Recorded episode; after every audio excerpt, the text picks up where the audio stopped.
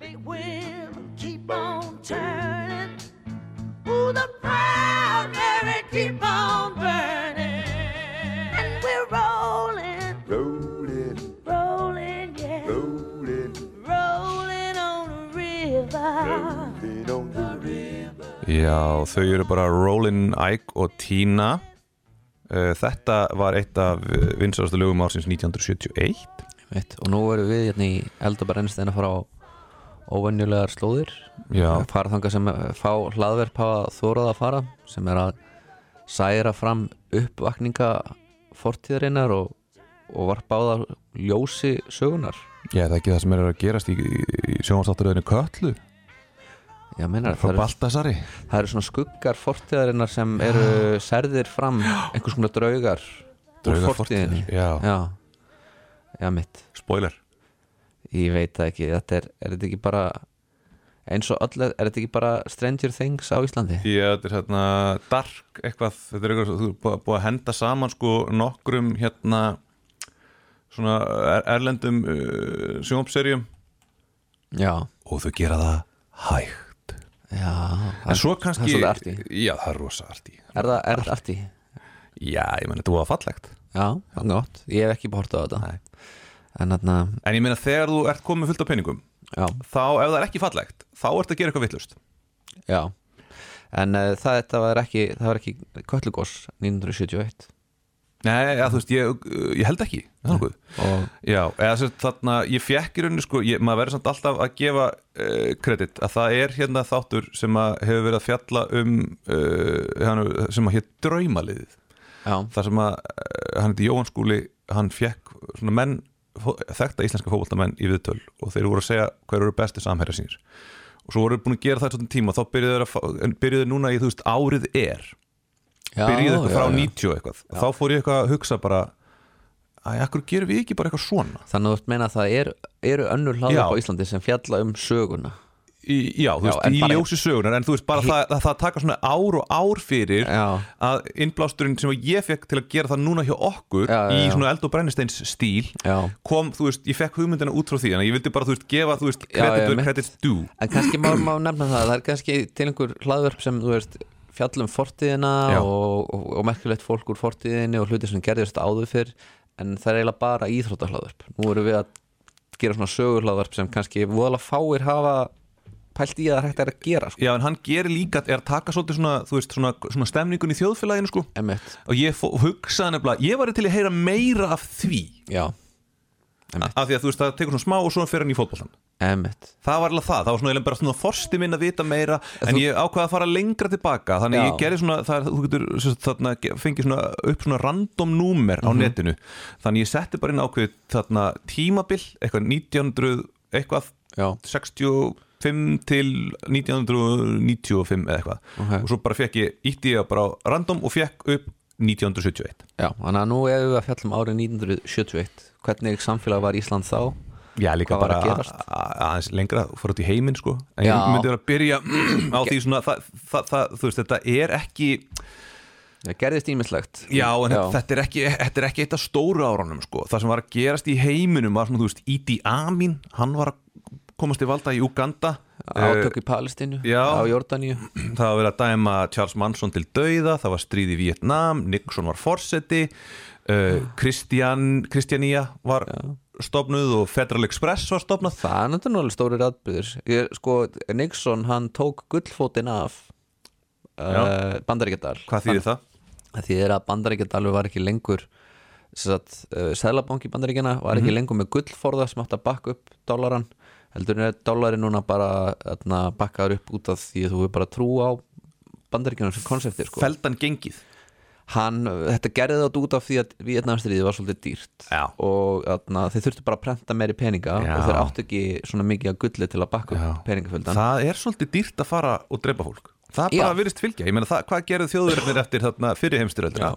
Þeir prentuðu bara peninga, en hef, hefðu betur tekið fengi í lán Já, já, en núna í dag eru voða- það er, það er eiginlega enginn með gullfót sko í dag Nei. fólk við erum ekki með að bakka upp um, gjaldmila með silfri eða gulli Núna er bara össur, er að, fjall, fjall, er að, er að hérna, framleiða bara svona fætur úr einhverju svona efni Já. og þeir bara virka mjög vel og það gefa Já, já. eftir og svona Eða gefa eftir, já, Já. Mitt, það er mikið mjög praktist að labbi með gullfót Það er mjög ópraktískt. Já, mjög Já.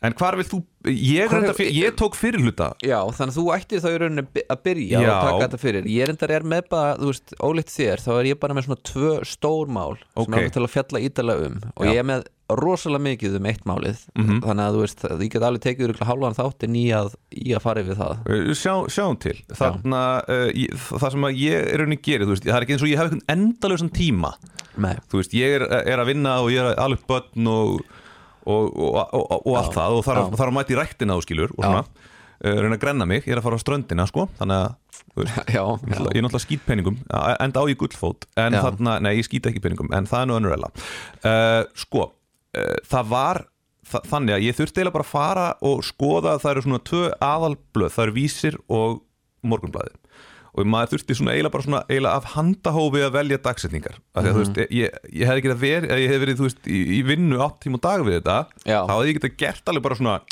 svona nokkuð góða úttekt sko, Við þurfum kannski að bara stopna Patreon þannig að fólk borgi okkur fyrir þarna, uh, fyrir uh, hvað ég var að segja þarna, vinnu okkar bara, þú veist, við- það er rosa sniðut þá gætu við bara að fengið 500 konur frá, frá hlustenda fyrir hvert þátt sko. einmitt svona styrk, eh, fyrir kannski hverju hvert sögu þátt ef fólk er að fíla þetta Já, ég Þessa segi- nýju sögu áherslu Já, ég en segi það er bara alltaf frekar- fá sögu hlaðu upp á Íslandi sko. með allt og fá ég segi bara frekar, ef það er ykkur þarna, markastjóri hjá okkur fyrirtæki að hlusta á okkur sem að finnst gaman að hlusta á okkur uh, hafðu bara samband og endilega sett okkur á, Já. á, á hæ- hættið að styrkja þarna Einmitt. einhver fótbolta hlaðu upp sem að er að reyna að fá unglinga til að taka í vöruna og, og, og eitthvað svo leiðis en Já. sem sagt, það, ég, þannig að ég svona fór bara svona, tók svona bara svona generalt hvað var í gangi aðal tískuvöruverslunin já, Karnabær já, og auglýsingin frá þeim hljómaði, eða sem sagt, var skrifaði sk- var, hún var alltaf skrifuð, þetta var dagblað hún, hún var svona, Karnabær er eina verslurinn sem veitir fullkomna tryggingu fyrir því að þú klæðist eftir hljómfalli tískunar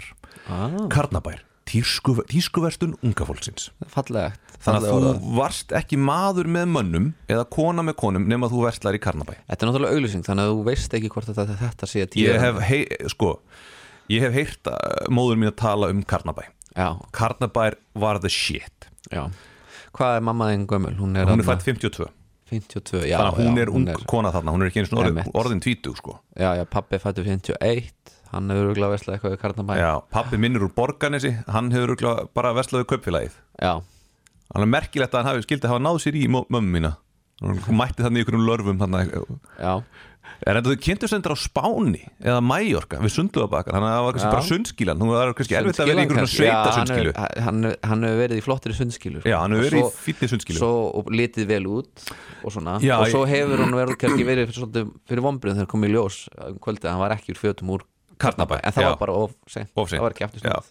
Já, það var eiginlega bara meira þegar þegar þau komið heim Já, og voru kannski byrjuð saman og voru komin heim Já. og þá sá hún raunverulega fötinast því að þú varst bara kannski í einhvern stuttbuksum og hlýrabóli eða eitthvað þú skilur já, já, þar voru vonbriðin en svo líka sko svo rakst ég á eina að því ég er svona aðeins að ve- svona, uh, skoða auglýsingar og það var svolítið mikið að vera að auglýsa síkaretur já, og auglýsing, var- rak, rak augunni eina auglýsingu sem að, uh, þar stóð ef þú lítur í alheimsblöð er áallt kamel í fremstu röð úrvals tóbak þess vegna úrvals síkaretur já.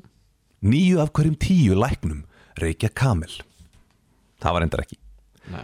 En varandi þetta, hann var svolítið fyndið sko, það var verið að, að þarna, auglýsa sígarettur á fullu, en hins vegar sko var, ko- kom inn eitthvað sem að kallaðist trim. Ok Hefur þið heyrt þetta að Nei. fara út að trimma? Jú, ég hef, ég hef heyrt það Já. Já, en ég veit ekki hvað það þýðir Það, ég, ég held sko eitthvað að það væri bara að hérna, er fara það, út að ekki bara skokka. kli, er það ekki bara að klippa að runna eða eitthvað? Nei, sko, trim Ef, ef ég segja trimma skegg, þá er ég að meina bara ég er já, að snirta trimming, en skeggið. þú ert, sko, já. þú ert að trimma líkamann. Já, ok uh, sem sagt uh, það, þetta var sem sagt, þarna herðferð til að, að stuðla að aukinni líkamsrækt alls almennings og trim er þess að það, það, orðið var svo góð, þetta var umdilt en önnur orð fundust ekki að áliti fróðustu manna nema þau er þýttu eitthvað alveg sér, sértækt Trim er hins vegar heiti á nýju hugtæki sem næri yfir margs konar aðferðir til líkamsræktar. Margir halda að trim eigi aðeins að þýða skokk, en svo er ekki. Tilgangurinn með trimmi er að fá allt kyrsetu fólk til að hreyfa sér duglega og reglulega, ímist með skokki, gönguferðum, sundsprettum, fimmleika æfileikum, fimmleika æfileikum, fimmleika æfingum, já. eða hverju öðru sem sportnar á móti líkamshrörnun sem er að verða æ meira vandamál í velferða þjóðfélagi. já, En sko málið er það, svo fór þetta sko úr líkamshrörnun yfir í hvað? e, lífstílsjúkdómar Offitu, offitu Já. Þannig að hér er, sem sagt, er, eru menn að sjá hér er þetta kallað hrörnun sko. líkamshrörnun sko Ég held að það basically eru menn að taka eftir því áður en 1971 að þjóðin er að fitna Já.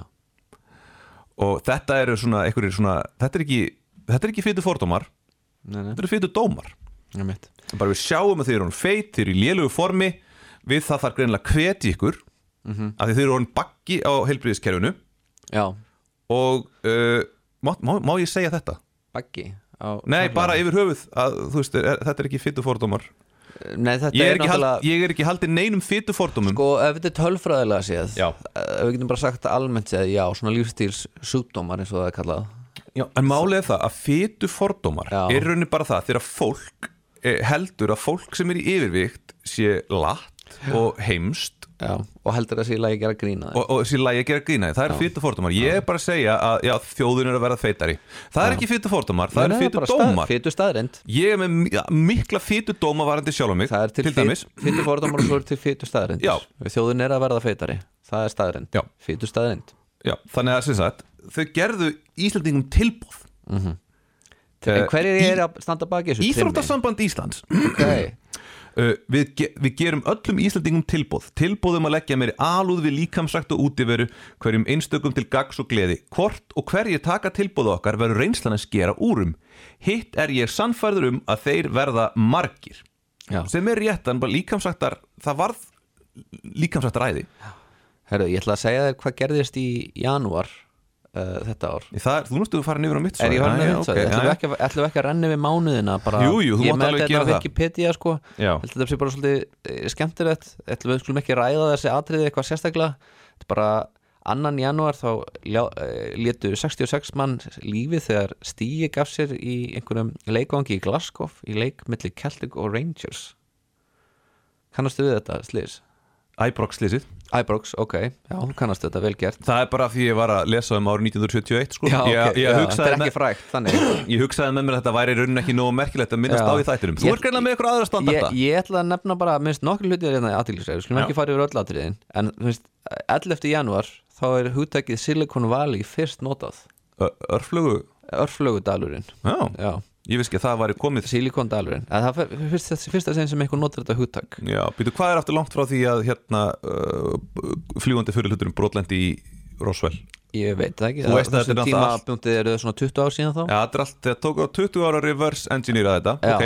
já. Uh, svo finnst mér eiginlega merkilegt fyrir þetta því hún gerist náttúrulega í Reykjavík er svo að þarna það er mínus 19,7 gráður í Reykjavík uh, sem er rosalegt 30. janúar það er svo kaldu dagur þetta er kaldasti dagur síðan árið 1918 þannig að, þannig að 1971 hefur verið skýta ár Ég man Veðurfarslega. ekki eftir að hafa verið í 19 gráðu frosti í Reykjavík Manstu eftir svona ég hef ekki miklum lent- kulda? ég hef ekki lendið Nei, Nei, ég hef ekki upplifað það. ég hef upplifað að vera í mínus 15 út í Kanada já en ég hef ekki upplifað á Íslandi einhverja svona tölur Það er mjög, ég er bara mjög sjálfgæft að maður nái mínus tvekkist að tölum hérna Já, já, en ég ma- ég ma- man alveg eftir þú veist, einhverju mínus 10, mínus 11 Já, menn það verður eiginlega ekki meira en það Nei, ok, þá er janúar kofaraður, við förum inn á februar svo þegar eða það ekki, á eftir svo tekur þú núna efni og ég kem inn á eða- Já, eða- meina það, já, Eh, Já. ok, ef þú vilt Já, bara, uh, En þú veist, getum við eitthvað talað um þetta bara með trimmið?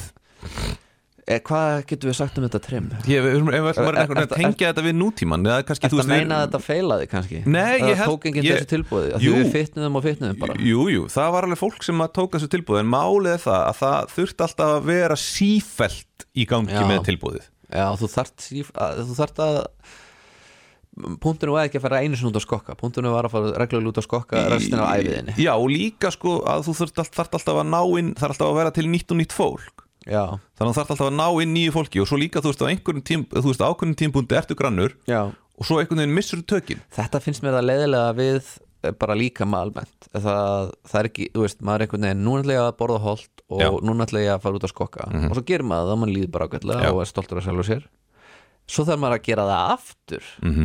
og það finnst mér náttúrulega bara að vera svolítið pyrrandi sko. Það Þú veist, ég er- nenni ekki að vera alltaf að halda mig í formi ég menn þú nennir ekkert að vera alltaf að anda þú þarft að gera það Nei, endalaust, þetta er bara, Það er endalaust þetta er bara að vera. hlutaðir Já. þú, veist, þú getur ekki hætt að anda Já. og þú getur ekki hætt að hreyfa þig þú getur ekki hætt að blikka augunum ég, já það, er ég mjög, vissi- það verður mjög það er óþægilegt mjög óþægilegt Já. þjótt sko já.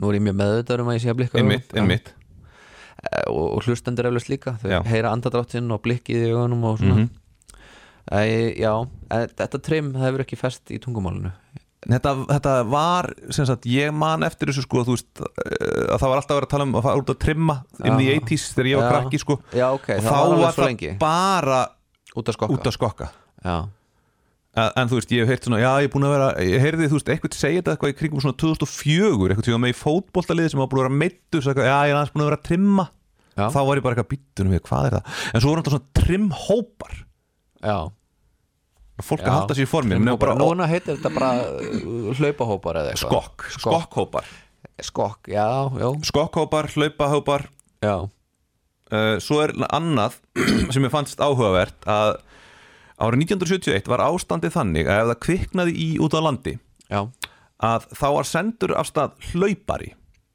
nei Þetta er svo bara, eins og þetta sé bara hérna þú Forrest í- Gump bara Nei, ég hugsaði sko, þetta væri bara svo kartumambærin eða eitthvað Að þarna þá sendur á stað hlaupari og hann þurfti að fara og sækja allar slökkulismennina Og þetta gætt tekið 1 til 2 klukkutíma En byrjuðu þá er bara bærin brunnin Þá var bara lítið eftir til að bjarga Já. En svo er annað sem að kom fram í þessu expose morgunblaðsins Þetta var svona, það var hérna að uh, sumar hérna slökkulis út á landi voru nánast óstarfhæfar vegna æfinga og kunnátuleysis Já, þið voru ekki nógu duglega fyrir þetta að trimma voru, það vantaði kannski var þetta raunni bara þetta trim var bara til að bjarga þjóðinni frá eldsvoða En svo, nú er samt spurningin sko Nú veit ég ekki hvernig þessu var hátta Núna í dag er náttúrulega slökkulismenn uh, vinna við þetta Þeir eiga að vera í formi Já. Þeir eiga þarna En þarna út á landi árið 1971 Er þetta kannski besvipað á með björgunarsveitina Þetta er svona áhuga fólk Og bara Mhm. volunteer, mistuglegt volunteer Fire Department Já, ég menna að það getur verið en þú veist- Hljómar þannig. já, það, það er líka eiginlega sko eins og það hafi ekki verið símar Já Einmitt, sk- þetta er skytið, það er kannski Já. ekki verið símar á hvernig minnst að bæ Nei?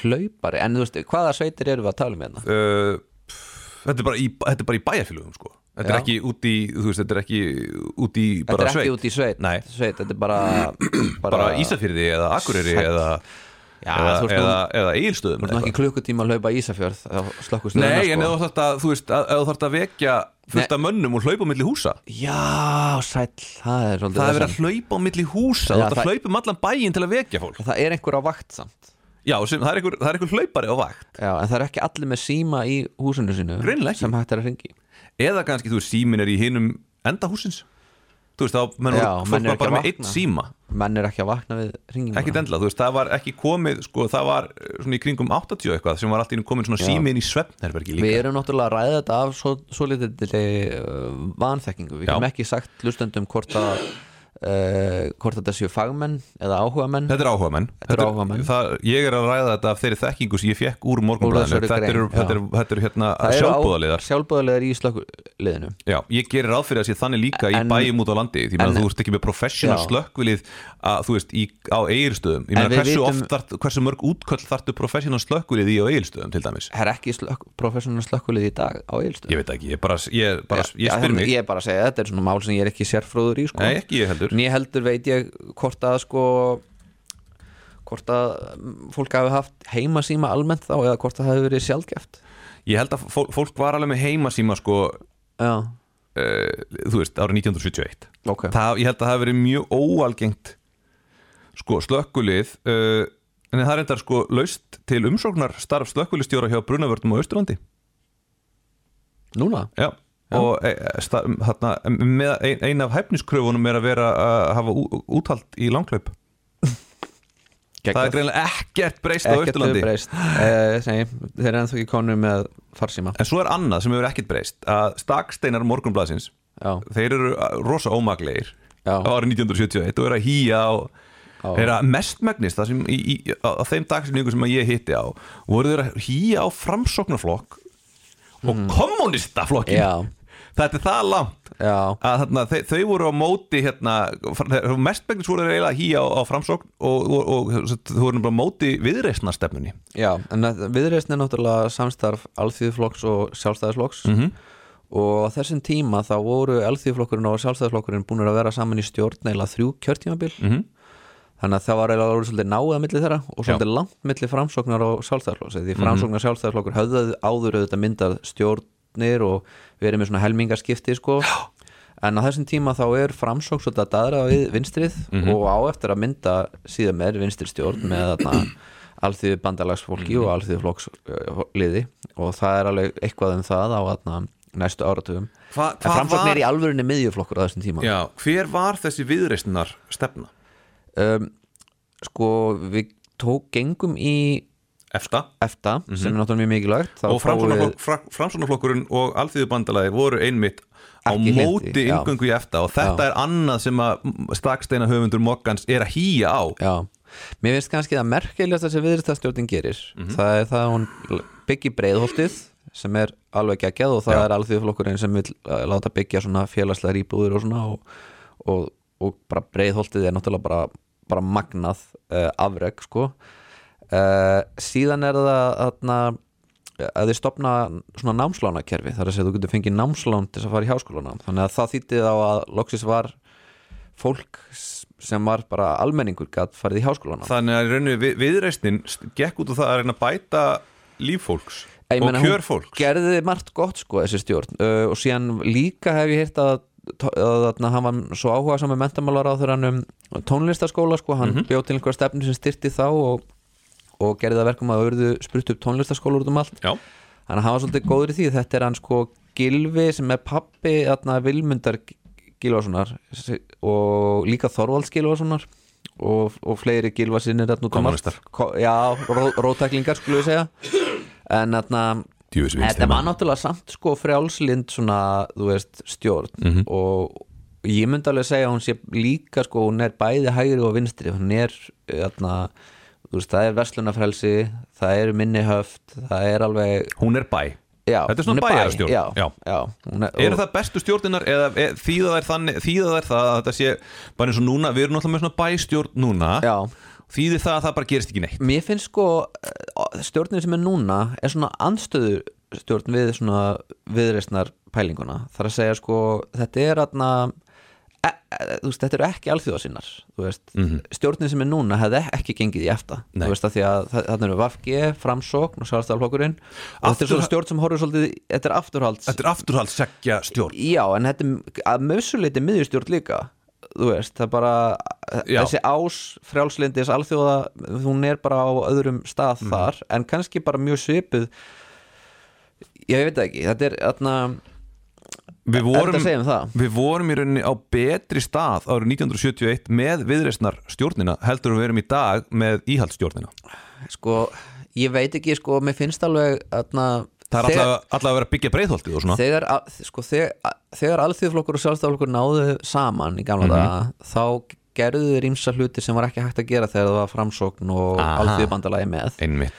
eins og til dæmis eh, 1990 þegar Jón Baldin gerir Davíð Ótsson fórsettaráðra þá göngum við inn í EES samstarfið og fáum þú veist aðna samkeppniseftirlit og alls konar svona hluti sem fylgja í- með þeim bakka Ég vil hafa þeir verið góðir saman maður Þeir Davíð hafa- Oddsson og Jón Baldi Já, já, ég menna, það hendist nú samt ekki nema fjögur á sko, Já, já. þegar meiku ekki hvernig annan mikið lengur en það já, já, þú veist það er svona Eh, svo er það svo líka einhvern tímann í fortíðinni sko alþjóðflokkur og sjálfstæðflokkur voru mikið þeir voru svolítið fannst atkvæðavægið halla of mikið á borgarbúa sjálfstæðflokkur sótti náttúrulega fylgið sitt mikið til Reykjavíkar á þeim tíma Já.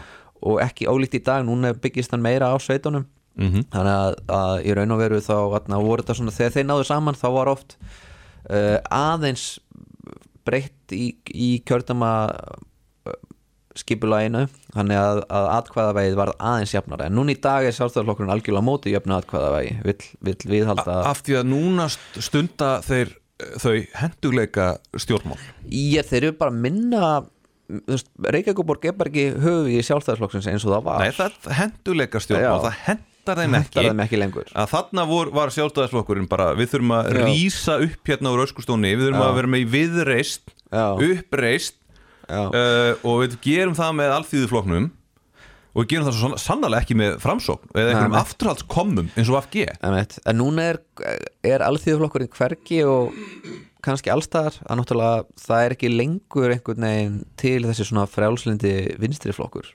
sem hann svona var orðin Hvað er píratar? Vist, Píratar gætu verið, við- þú getur líka hægt að viðreist sé eitthvað í þá átt En samt og samt ekki Þeir eru, og er, er viðreist ekki svona, svolítið svona sjálfstæðisflokkurinn vók? svolítið þannig Já. Já. Svona vók Já. sjálfstæðismenn? Mér, finnst, mér finnst það vera út um allt en, en, en auðvitað er hann ekki lengur til Hver?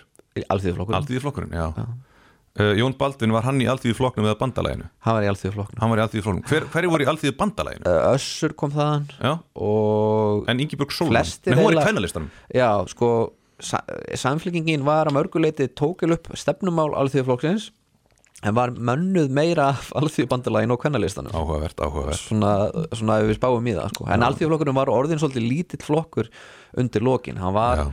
uh, að skreppa saman og hann var náttúrulega búin að missa tengslum við verkaliðs atna, uh, félögin hann náttúrulega Það- var þau- stopnað sko, hann var stopnaði náttúrulega til þess að vera málsvarið verkaliðs hreyfingarinnar inn Já. á þingi en síðan sko svona í kringu 1960 þá er, la, er hann búin að skiljast að frá verkefliðsfórustinu verkefliðsfórustinu er orðin kannski meira jafnvel alþýðu bandalagsmegin og alþýðuflokkurinn fer á svolítið hann missir svolítið uh, rótina Alþýðuflokkurinn það var Jón Baldvin já, ný, setna sko Setna, já. Hann, er nú Á ekki, hann er nú ekki mikill á þessum verkamaður tíma er hann atna, gilvi sko Já, og svo er hann eiginlega tekin yfir nánast af, af sinni hans, hún er vilmundi sko næstuði, hún texta næstuði dæmi gert já, Það mætti halda að væri svona succession konga eitthvað á Íslandi Við erum með svona succession light er svolítið þannig það er svolítið þannig þú Það er veist. svo sick Já. en herðu, Heyrðu, En sem sagt, hann segir líka að stefnu, stefna stjórnarinnar að virkja stórt fyrir álframneðslu Já. hafi verið því rétta já, og kú- hýjar aftur á framsókn og kommunista Já, fyrir að vera móti því ekki- það er búið að hlynntir því. sannast að álverið í Strömsvík og virkjanirnar bara success já ég held að það er hafi verið success á þessum tíma Mhm. út af því að þarna er bara fáður inn einhvern stóran yðnað og þeir ná að selja orku Mhm. þú veist, þetta er rétt stefna fyrir Ísland árið 1970 Já. af því að þú þarf bara að þú veist, við erum bara rétt að byrja að- að framleiða og selja orku og, og fá svona störf já. spurningin er kannski hvort að álverinn sé rétt stefni í dag, sko, Já. kannski ekki Heyru, færum okkur yfir í næsta, það er hérna það kom út náttúrulega bók um trimmið, við með ekki gleyma því hún Já. er auðvitað til ennþá okkur um þarna bókasöfnum Já. en það er endar áhugavert að e, konur í Sviss, þar fengu kostningarétt þarna er já, 1900 emitt, það er februar í februar 1971 en á ég að segja þér annað konur í Lichtenstein fengu ekki kostningarétt Já. Lichtensteinar sögðu bara nei árið 1971 Já, en sko, viss, ve- veistu af hverju konur fá svona sent kostningaréttin í, í Sviss? af hverju?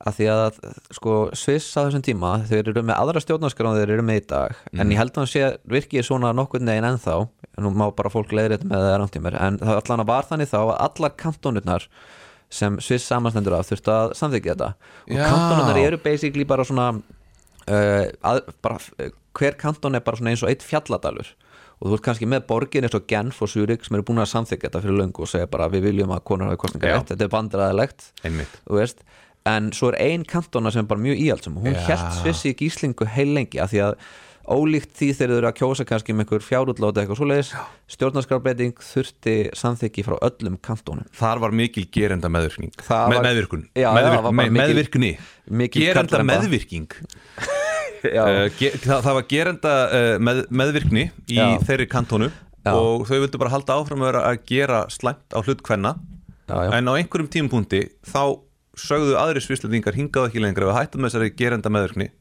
Já, hvenær- hvenar, endanum hvenær- kaus kantónan en endanum samþykti þessi kantóna þessa breytingu sko. hvenar var það?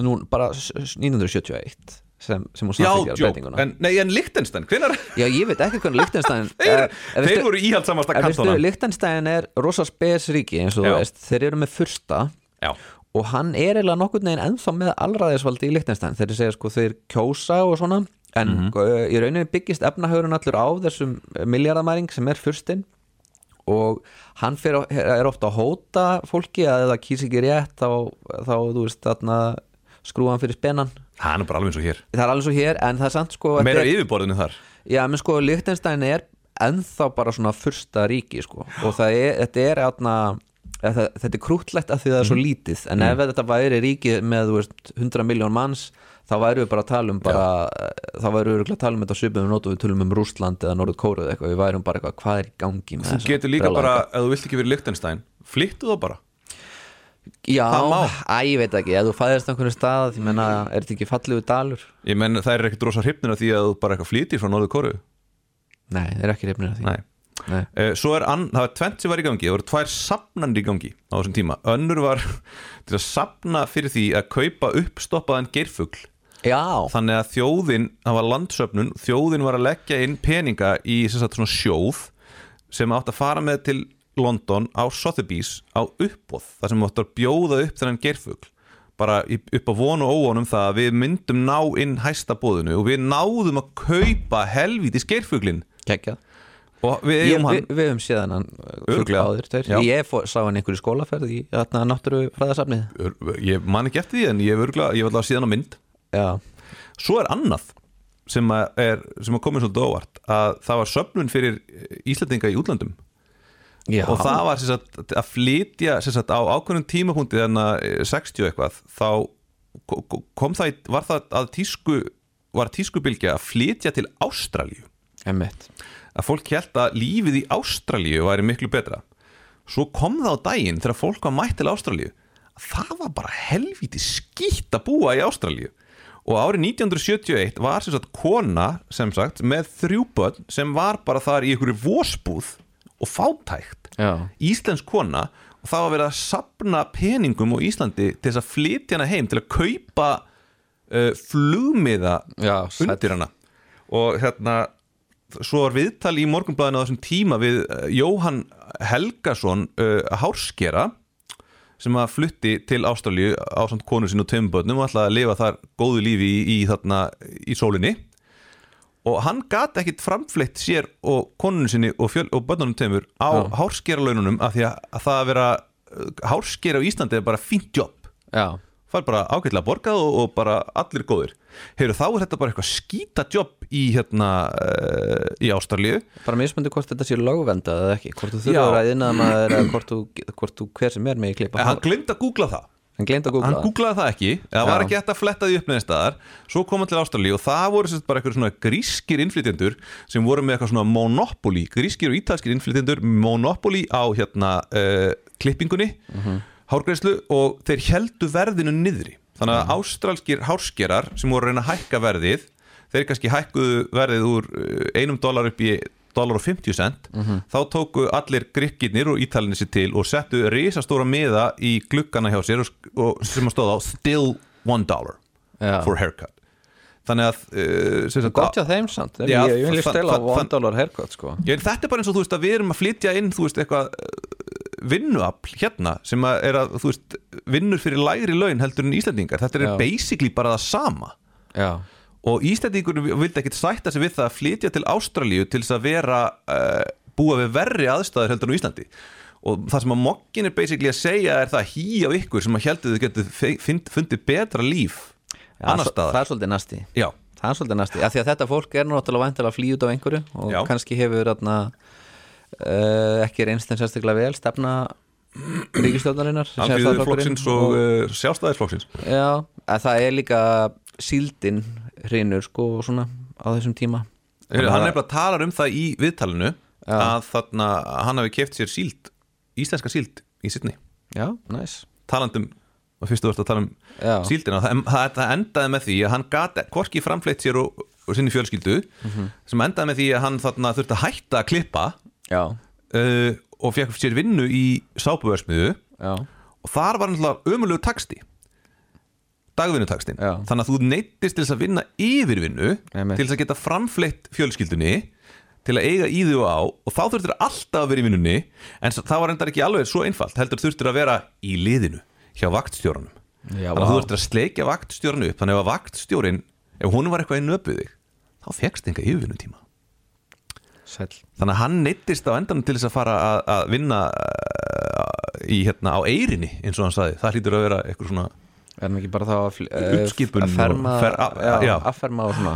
já, uh, svo er hann bara málið það að það kostar, þú veist, uh, þú veist launin, hann hugsa, já, launin í Ástralíu eru þetta há, hann bara, já, það er frábært en svo kostar alltaf miklu meira já, já. uh, þannig að, en hins vegar sko, leigan var rosalega há kostaði mikið að, að, að kaupa mat en það var eitt sem var hægt að gera það var hægt að kaupa hús í útkverfum mm. og útborgunin það var sem sagt, 150.000 krónur mm. þú veist, þú gast ekki komið með 150.000 krónur og þú þurftur að borga náttúrulega í dollurum Já, já. en þú veist, ekvivalent af 150.000 krónum sem er bara, uh, var bara frekar lágt Já. þannig að ef þú náðir að safna þér 150.000 kalli og gastu kefti þér bara einbíli í útkverfi Gekkjaðan en sá böggul fylgdi skamrifi að þú, þú færið sem sagt húsið alveg tilbúið nema það var ekki búið að tengja neinar pípulagnir Já. þannig að það var ekkit klósett þannig að, en til þess að fá sem sagt klósett inn til þín þurftir að borga 60.000 kall í viðbót og fólk átti nóg erfitt með að skrimta og þú veist skrapa saman hérna 150 skallinum um, þannig að það átti engin 60.000 skall aflögu Já. þannig að fólk var í þú veist 2-3 ár Klósettlausu húsi. klósettlaust og það, þannig að það voru kamrar og, og lyktin eftir Úff, því, maður. þannig að það var alltaf skítalikt Já, inn í öllum húsunum og svo var þarna tryggingakerfið, það var ekki sérlega gott þannig að ef þú til dæmis varst kona og varst að fæða barn þá þurftir þú að byggja þetta guðu sem um að þurfa ekki að fara í keisara sæll því að þá þurftir að fara að borga á við útborgun í, hérna, Í húsi í hús En sko þetta er þarna uh, í- Þú nefndir þetta við mig þarna og ég sk- skoðaði þessa grein sem þú sendir á mig með þarna sjúkrahúskostnaðin í Ástralíu Já. og þá f- tjekkaði og svo flettis upp og þá komst ég að því að sko það er ekki fyrir en eftir svona tvo áratíum sem að Ástralía setur inn Medicare kerfið sitt Mhm. og þá e, verður þetta allt ódýrara sko Já. þannig að núna í dag þá fá Ástralir læknisþjónustu ég held bara annarkvort ókipis eða ódýrt Já. að því hún er niðurgreitt en á þessum tíma þá er þetta bara bandarist helbriðiskerfi Já. eða ekki einu sinni bandarist bara ekkert kerfi þannig að Ástralía var sem sagt á þessum tíma fólk þú veist, var ekki nógu duglut í Google-inu sínu og komst ekki að því að Ástralía á þessum tíma var bara skýta place Já, en þetta er samt svona vandamál sem er alveg til en þann dag í dag sumt fólk náttúrulega nær ekki að spjara sig Já. eh, hér ákveður að flytja til Noregs og í stundum þá verður það alveg frábært af því að þú, eh, Noregur er náttúrulega land með herri laun og, Mhm. og, mö- betri þjónustu á rosamörgum síðum en eh, sumt fólk bara kannski vannmetur hversu erfitt það er að koma sér fyrir í nýju landi Já. og þú veist þú þarft náttúrulega að hafa einhvern uh, varasjóða peningum Já. með þú ert að leita að starfa annar staðar en alltaf ef þú átt að mikla peninga þú átt varasjóð, Já. þá ertu bara á Íslandi því að Þá ertu bara á þá Íslandi ertu bara að lifa góðu náttúrulega. lífi Já, hér En það er bara meira en að segja það sko, að, þú veist, Sérstaklega líka bara að þú ert kannski kant ekki neitt sérstakt Já, hann var alltaf hárskeri en hann fattaði það ekki að, að það að vera hárskeri er bara lálauna tjöpp í Ástralíu Já, en þess að í rauninni sko uh, er, er mokkin aftur, mokkin er svolítið í því- í því að, í, í, í því að hýja á fólk já sagsteinar eru bara alltaf og hafa alltaf verið næsti Já, og þarna sko, þar segir brottflutningur fólks hérðan olli verulegum áhyggjum á tímabili sérst frá Íslandi en eftir, afsakið, en eftir á að hyggja kunna þessar ferðir að hafa orðið til góðs Nokkur hundruð Íslandinga hafa komist að raunum að það er síst betra að lifa í öðrum og ríkari löndum en hér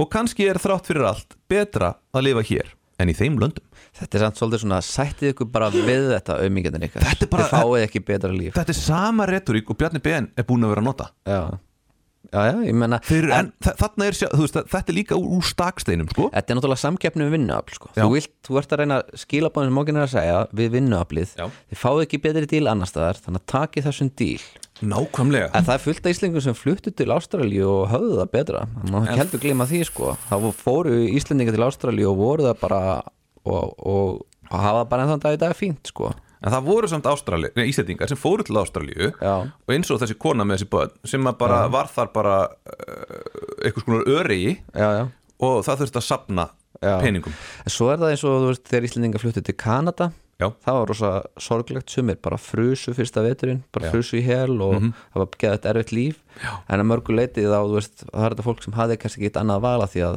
lífið sem beðir á Íslandi sökkaði sko Ég, það voru bara einhverja bergkonur að koma út úr köllu sko. Já. ég hefði líka flú, flú, Já, flúið sko. nákvæmlega þessar bergkonur Jesus Já. Kristi, maður, þetta er En- svo skeri Já, þetta var sérst í mars þegar þeir hérna, keftu gerfuglin Já.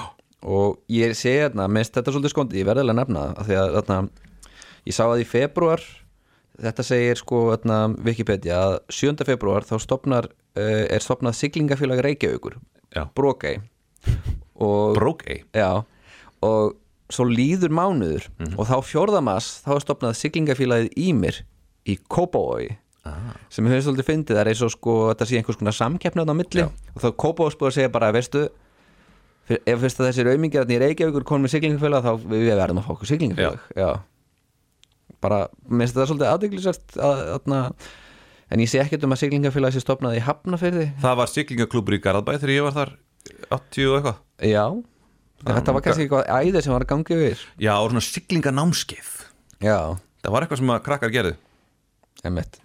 Herðu, núna er þá komið að þér þú fegst Já. þarna setni helming uh, Einmitt. ásins Já, þannig að núna get Nú- ég slakað á og reynd að vera eitthvað sniður já, herðu, geggjað Við erum þetta, sko, ég er ekki eins og múin að segja það sko, þú veist, eh, hvað gerist í april eða mæ eða júni, sko en það þú gerist átt, ekki, þú átt ekki að segja mér það Nei, ég bara er svona að fara yfir, þú veist, þarna eh, hlutir, þarna Wikipedia, sko já, En 5. april þá er sko söngleikurinn Hárið frumsyndur í Glömbæ og það er svona kannski fórsjáttið um það sem hún gerist í desember hjá mér, sko já, já en þarna, annars er kannski ekkit mikið merkilegt að gerast í alþjóðamálum þá var hann Richard Nixon að segja eitilugum stríð á hendur the war on drugs og, og svo leiðis það tapaðist, og svo að sjálfsögðu er stríð í Palestínu það tapaðist já, það tapast það, það, töpuðu allir sko, allir tapa í svona stríði sem Já. heldur áfram að eilu einmitt en herðu, í- sko, það sem mér finnst svo merkilegt við eh, árið 1971 er svo staðirind að hundahald var bannað í Reykjavík var búið að 1. banna það- september já,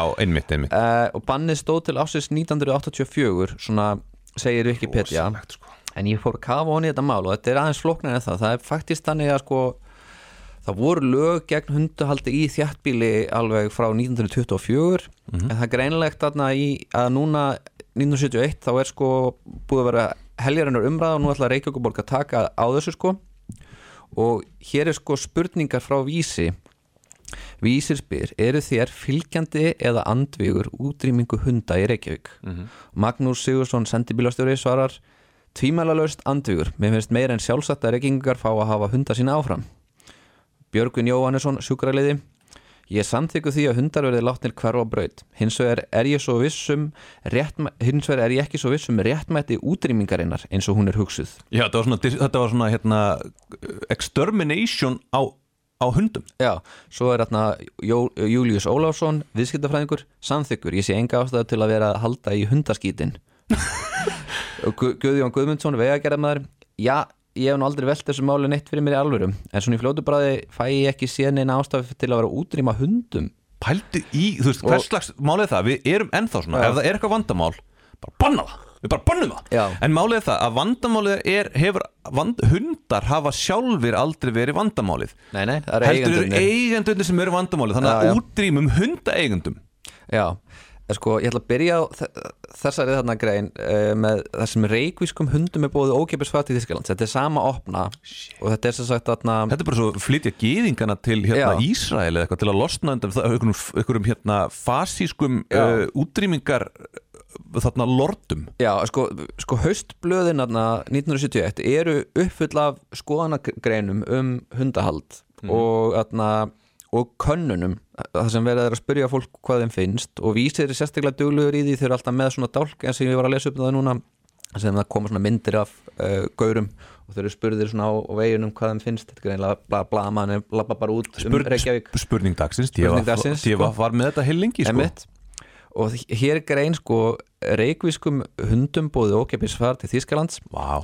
spjalla við Ás- Aldrei senda það til spjalla Þýskaland við Ásker Hannes Eriksson um hundamáluð undirtegnin erlendis Eh, Ég selði það ekki dýrar en ég kefti það segir Ásker Hannes Eiríksson varaformaðar dýravendunarfélags Reykjavíkur en mér er sagt að í Þýskalandi er kvennmaður sem er reyðubúin að standa ströym á kostnaði við að flytja alla hunda af Reykjavíkursaðinu til Þýskalands ef til þess kemur að útrýmingarherferð verði farin Þetta er rosalegt, þetta er svolítið séu rottur sko Já, já, svo er hérna grein frá þráin Bertelsinni Hann er, hundam, Sem hann er- er hundavinnur, já. hann á hund Já, hann, já, hann ég- skrifar- Ég held jafnvel sko að, þarna, að hundurinn sé lífsförunautur hans Já Hundar samkvæmt líf, lífsæðli þarna skrifar hann Hundar í Reykjavík, aðrir en hasshundar og blindrahundar eru nú döðans matur að minnstu kost eru hundar bannvara eins og landið að smiklaða sígarettur en einhvað síður heyrist annað veifið hundgá út um opna glugga íbúður og sem hér og þar, þrátt verið bannið blótar einstaka maður á laun og skrifist að láta fara burt með trygg gamla sem eftir lagana hljóðan á ekki lengur rétt á því að vera í tölu lifandi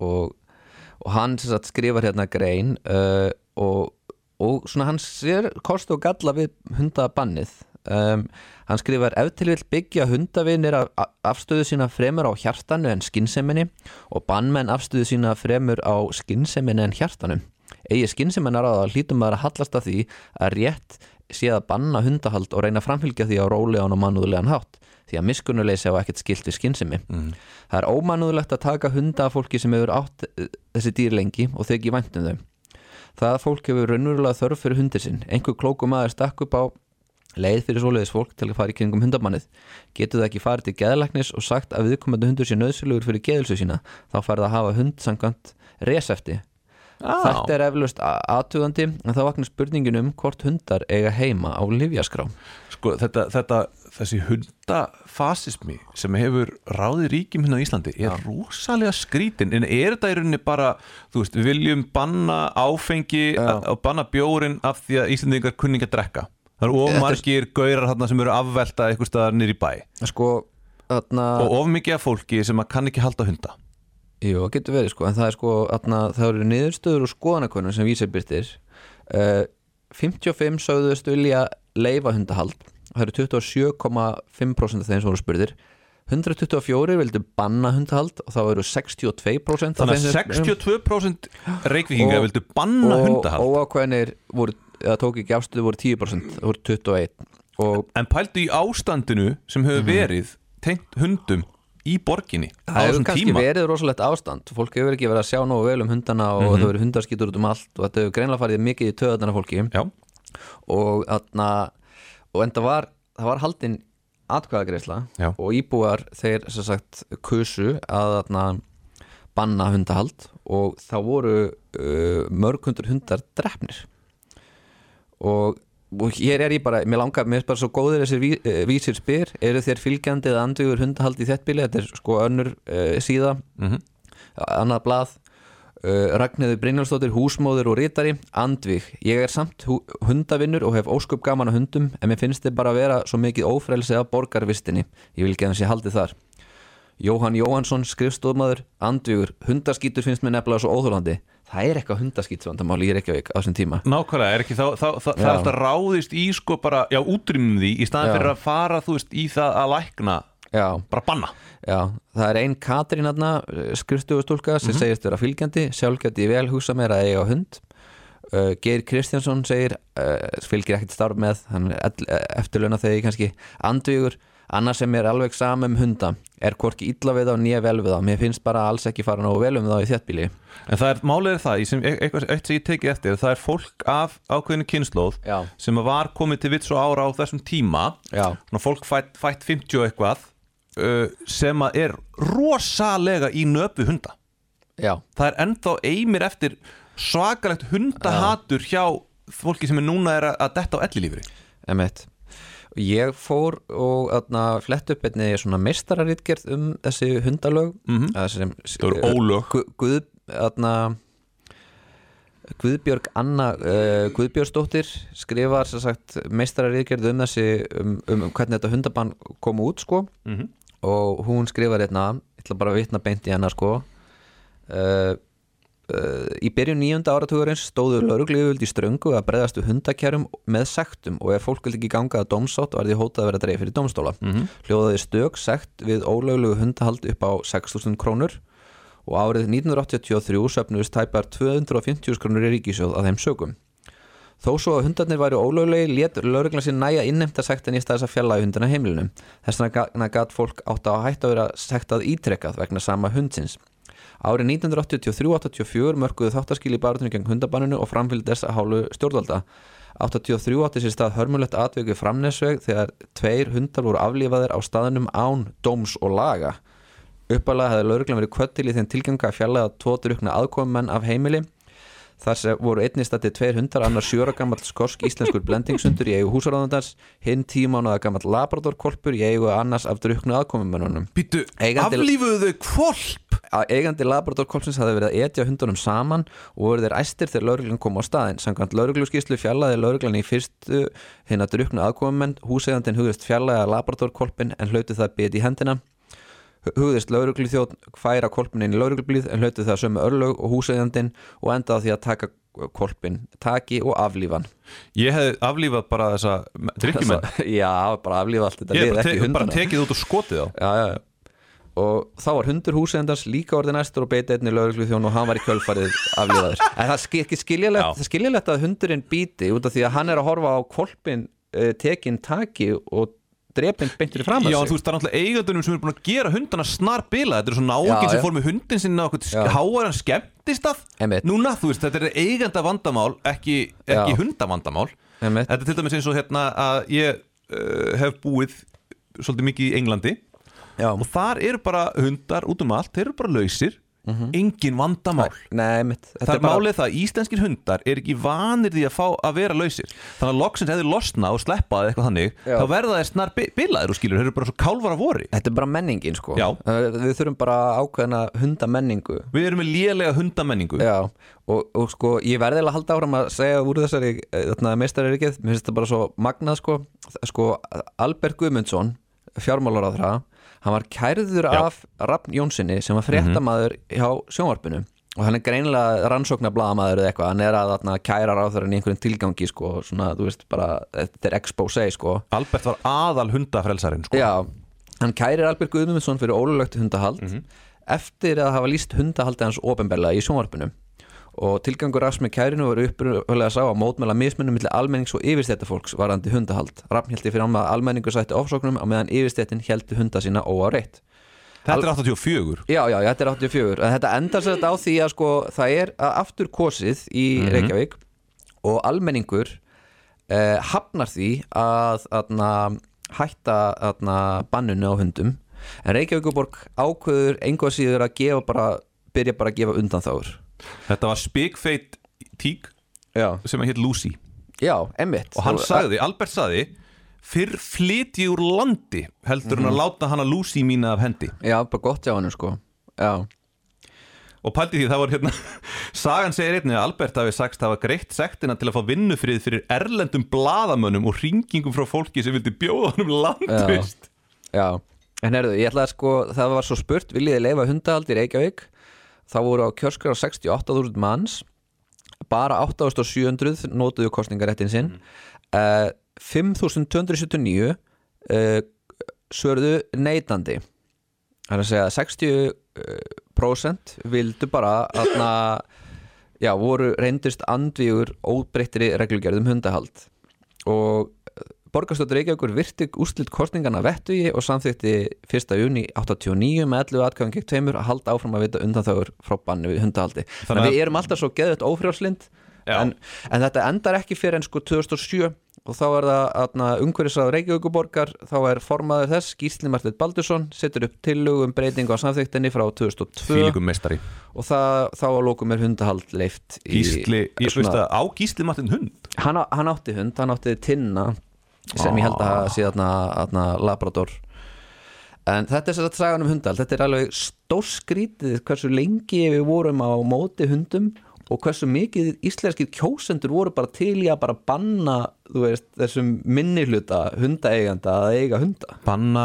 og mörka úr þeim lífið Já, þú veist, þetta er náttúrulega hræðilegt að, að einhver kvolpur sé bara aflífaður bara líka á staðnum að einhverjum bara lauruglumanni, þetta er bara Já, það er fyrir eh, eitthvað það, greisi eh, það eimir sko ennþá af þessari hérna þú þú veist, þetta er frekikallin sko. Já, það eimir ennþá af þessu en hann, þetta er sko, þú veist, það eru þú veist, þeir eru náttúrulega, eh, eh, kannski ekki beint að deyja út en þú veist, núna eru sko sinir þeirra -hmm.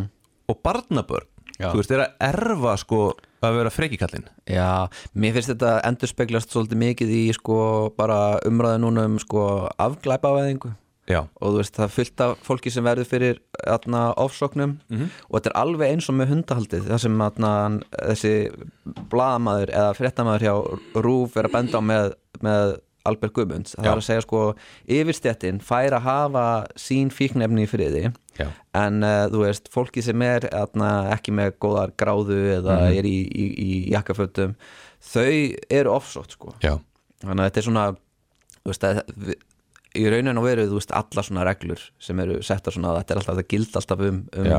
atna, lúðana sko já ég er náttúrulega með þá tilgætt að Íslandingar heilt yfir er ekki rasistar við Nú. erum svona stjettistar já, já, já, þannig að sko, þú veist, ef þú ef það er svartur maður já, og ef þú hittir, ef þú hittir svartan mann núna er ég bara að taka dæmi um eitthvað svona random Íslanding já. ef, ef hann, og þú svona, svona hm, hver er þetta? Hvernig er hann til Og svo- fara? Já, hvernig er hann til fara? Svona, sér hvernig er hann í tauginu og svo byrjar að tala um sér já, ha, ertu frá New York? Já, ok, hvað sér, varst í NYU?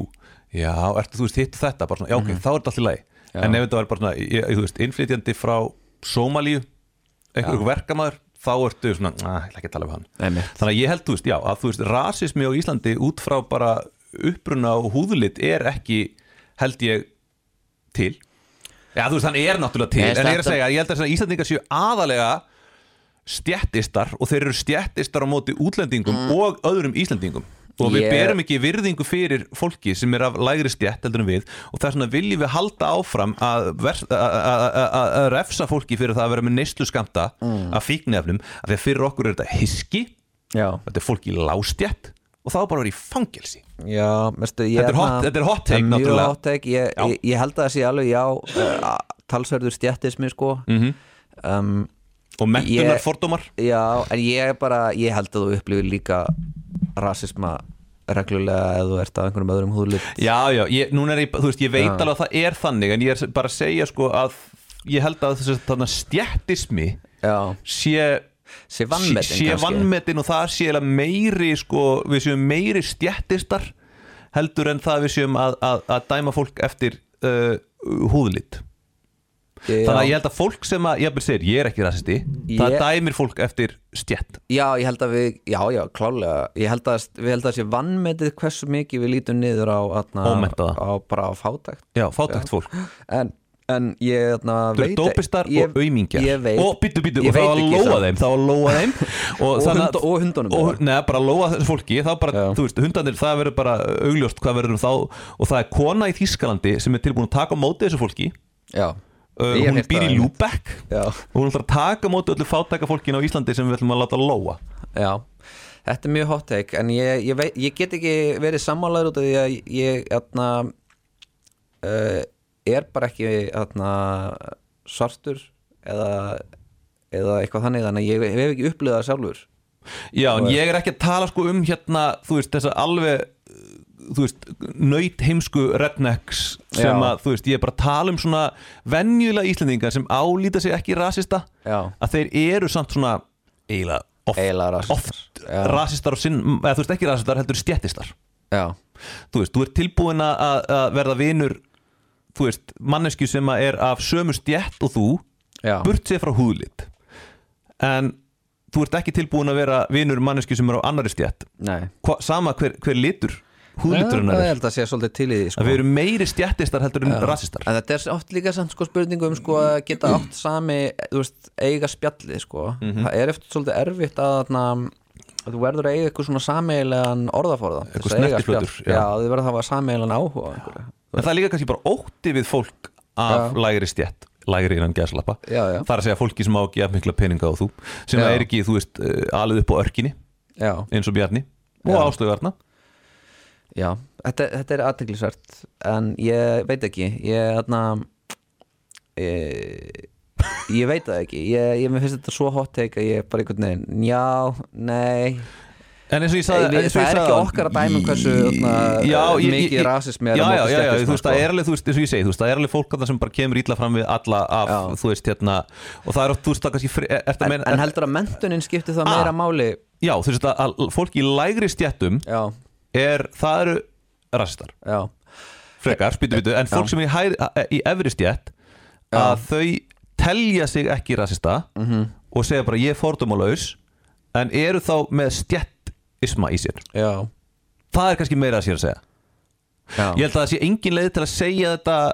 uh, án þess að það stuði einhvern En ég er, ekki, ég, ég, ég, er, ég er ekki að segja þetta af slæmuhug Ég er bara einhvern veginn að greina svona ákveðna, ákveðna, ákveðin afkima íslensk þjóðfélags Ég er kannski nota of hérna svona general, Já. þú veist, allir eru svona, það er ekki, það er ekki Já. þannig En ég er að segja sko að stjættismi er vannmetin á Já. Íslandi Sko, þetta er sjóðandi heitt teikja þér en- Að stjættismi sé en- vannmetin Nei, það, það er ekki það En þarna, þegar þú varst að tala um þarna, að það væri meira en þarna, eh, rasismi það, Mér finnst það fyrir sjóðandi heitt sko. að það, Nei, ég er bara að segja að við séum, að við séum uh, meiri stjættistar heldur en rasistar Ok, það getur verið Þa, Það er eig- eiginlega það eina sem ég er að segja Já, ég, ég veit það ekki En þú veist, en, en auðvitað, eru, ég er, þú veist, auðvitað eru Íslandingar sem eru bara rasistar, þú skilur Já, þeir eru En til. ég, ég er bara Já. að tala um að það er líka til eitthvað vandamál sem er, eða vandamál eða whatever, hvað sem þú vilt kalla Já. það sem að er þessi eh, innbyggði þessi innbyggðu fordómur okkar okkar, Já. gagvart fólk af, sem við álítum að sé af lægri stjætt heldur en við Já Einmitt. Og, Það, mér finnst það ekki tótt ekki og, tala, og talar öðruvísi og kjánar Já, og svona. þú veist, talar ekki nógu fínt mál Já. Þú veist, ég lít til dæmis svolítið niður á því að því þú oft fallbyr illa já Þannig að já. ég, þá er ég með eitthvað svona isma en það er samt ekki, Já, st- ég- við erum saman að standa ég- á sömu stjætt ég er nú eiginlega af herri stett en þú sko Aha, Já, fóreldrar mín eru betur mentað en þínir sko ég held samt að pappið sé ekkert með mikið herri launendur en pappið minn sko Já, jú það getur verið sko Já, Já. þó hann sé Þó hann sé verkfræðingur og þinn sé yðniða maður sko Ég meina, mál, Já. eins og við höfum alltaf við, höfum- eins og við höfum margóft talað um þetta ef þú vilt eiga peninga, þá skaltu vera verkfræðingur Eða- eða, eða meistari í einhverju yndrin Þarna fóreldrar þínir sem er eiga þau þarna, þú veist, Lagsnes safnið með alla bækur Lagsnes svona upp Já. eh, í hillu Þau eiga það, Nefnum þau að eiga það. þið fluttu og þá tók ég það og setti það upp í hilli hjá mér Þú tókst það, já.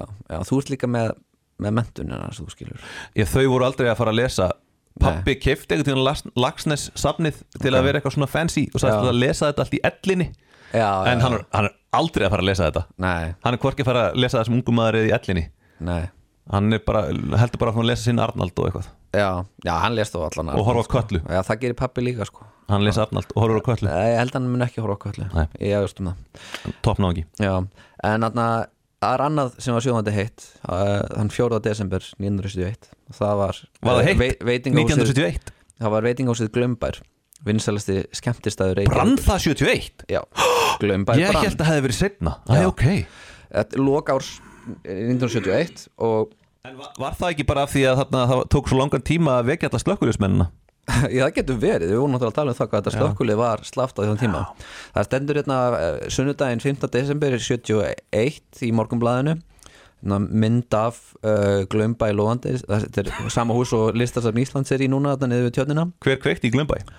góð spurning sko uh, en það stendur hérna fróðan næði ekki slökkuleiði freysta þess fyrsta ráða niðurlögum uh, eldsins með létt fróðu var það gert til að forða skemmtir af völdum vass á neðrihæðunum og það dugði ekki sko mm. og það hljómsetin náttúra misti hljóðfæra að vera með um 1 miljón króna og það var ekki tryggt ég er búin að vera að fletta þessu hérna upp Já og lesa þetta og þannig uh, datt ég hún í svona eina atna, uh, eitt þráðin í þessu það var að atna, örlögans uh, Sigurð Rúnars Jónssonar betur þögtur sem Diddi Fyðla mm.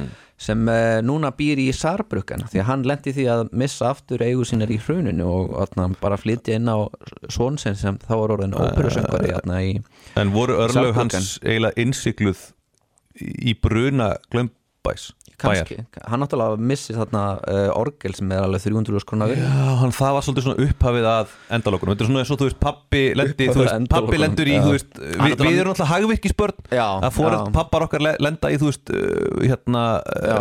þ- því að hagvirki fyrir á hausinn Já. og það hefur svona keðiverkandi áhrifin í framtíðina Já, já, það gerir, setur smá strik í Fávitar. reikningin sko Já. En uh, já, en þetta er bara svona þegar glömbær brennur, það er rosa aðtilsvægt og þetta hús er endar sjúklega aðtilsvægt mm. Þarna, veistu hvað þetta hús átti fyrst að gera? uh, Hýsa vopn Nei, Nei, ok. þetta var íshús Íshús eða fristihús, Fristihús, já, og þetta var reist af atna, miljónafélaginu sem hann atna, Tóri Jensen var með sem er uh, forfæðir atna, Björgúlfuna ja, Björgúl Tórs, það er ekki, Ah, ekki hinn Björg, ok. hinn er giftur inn í, inn í uh, Tórsættina en Já. Björgúl var eldri en, en einhver síður þarna, þetta eru uh, tó, Tórsararnir sem koma af honum og, og þetta íshús er þarna við tjörnina út af því að þeir eru að sækja ís í tjörnina En býtu, hvernig tengist Björn Tors þessu? hann lítur bara að vera ákomandi líka Eh, fyrst hann er með þetta ættanafn Ok já Það- eða, fu- ég meina Guðmundur Andri er líka Tors, hann er líka eh, einhvern veginn Hvað hétt aftur pappi hans? Íslenskar. Hann hérna uh, hvað Grámóðsinn glóir já, býttu nú við uh, Æ, skiptir ekki máli nei, ég, þú datt, þetta er alveg úr Já, út úr mér, datt úr, sko. datt úr, Já. datt úr mig líka en þarna, þetta er uh, sem sagt, bara svo ég rifið þetta upp í, í ljósi sögunar eða í skuggum sögunar Já. þá þarna, sem sagt uh, þetta var, var svo framsóknarhúsið eða kalla fjósið jafnvel herðubreið á sumum Býtu, býtu, framsóknarhúsið Já. var kallað fjósið já, Næs sem sagt Hefði ekki getað skýrt það betur eða netta Já, sem sagt sko atna, í, í, í Íshúsið Herðubreið var reista fríkikirku vegi atna, 7 árið 1916 til ístöku úr tjörninni og síðan tók atna, framsögnaflokkurinn eh, og kefti þetta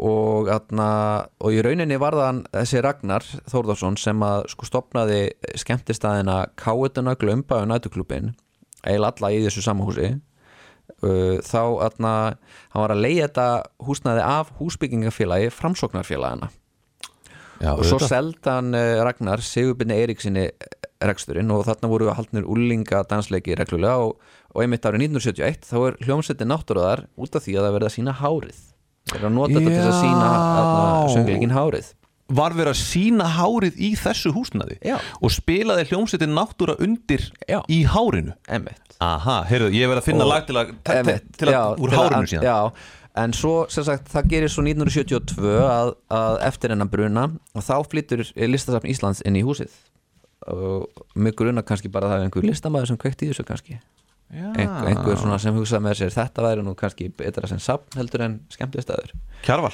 Já, en það lítur að hafa verið rosalegt að vera á, í, í, í þessu húsi það er náttúrulega lítið allt öðru þessu út að innan en það gerir í dag þetta er vantarlega, þú veist að- að- ef þetta hefur verið svona fristihús uppræðanlega þetta er vantarlega verið stórt gólf þarna bara gott að vera á dansleika þarna Já Já. en þarna, það væri forutnilegt að skoða einhverjar myndir að þessu þarna uh, þarna og, og og sjá hvernig þetta var að innan sko Já. en ég, er, hérna, ég fann ljósmyndir á borgarskjálasafninu af ístöku úr tjörnina sem bara fólk er með bara atna, axir og svona á lofti að höggva ís, taka upp úr tjörninu og fara með inn í þetta hús Til að ég bara, ég veit ekki reyna að slökva nei, nei, nei, að, þú veist 1916 þegar þeir eru að nota þetta til þess að frista Já, já, já, já, ég skil, ég skil, ég skil. En, nei, þeir voru náttúrulega að nó- reyna að nota einhverja fróðu þeir eru nú betur notaði ísin í tjörninu sko. Já, en þeir sko nefnilega vildi ekki nota vatn af því þeir eh, vildu ekki skemma fyrir hárinu fyrir hárinu ah. Þannig, að- en, það, en, en svona er það bara Og hvað ertu með eitthvað meira?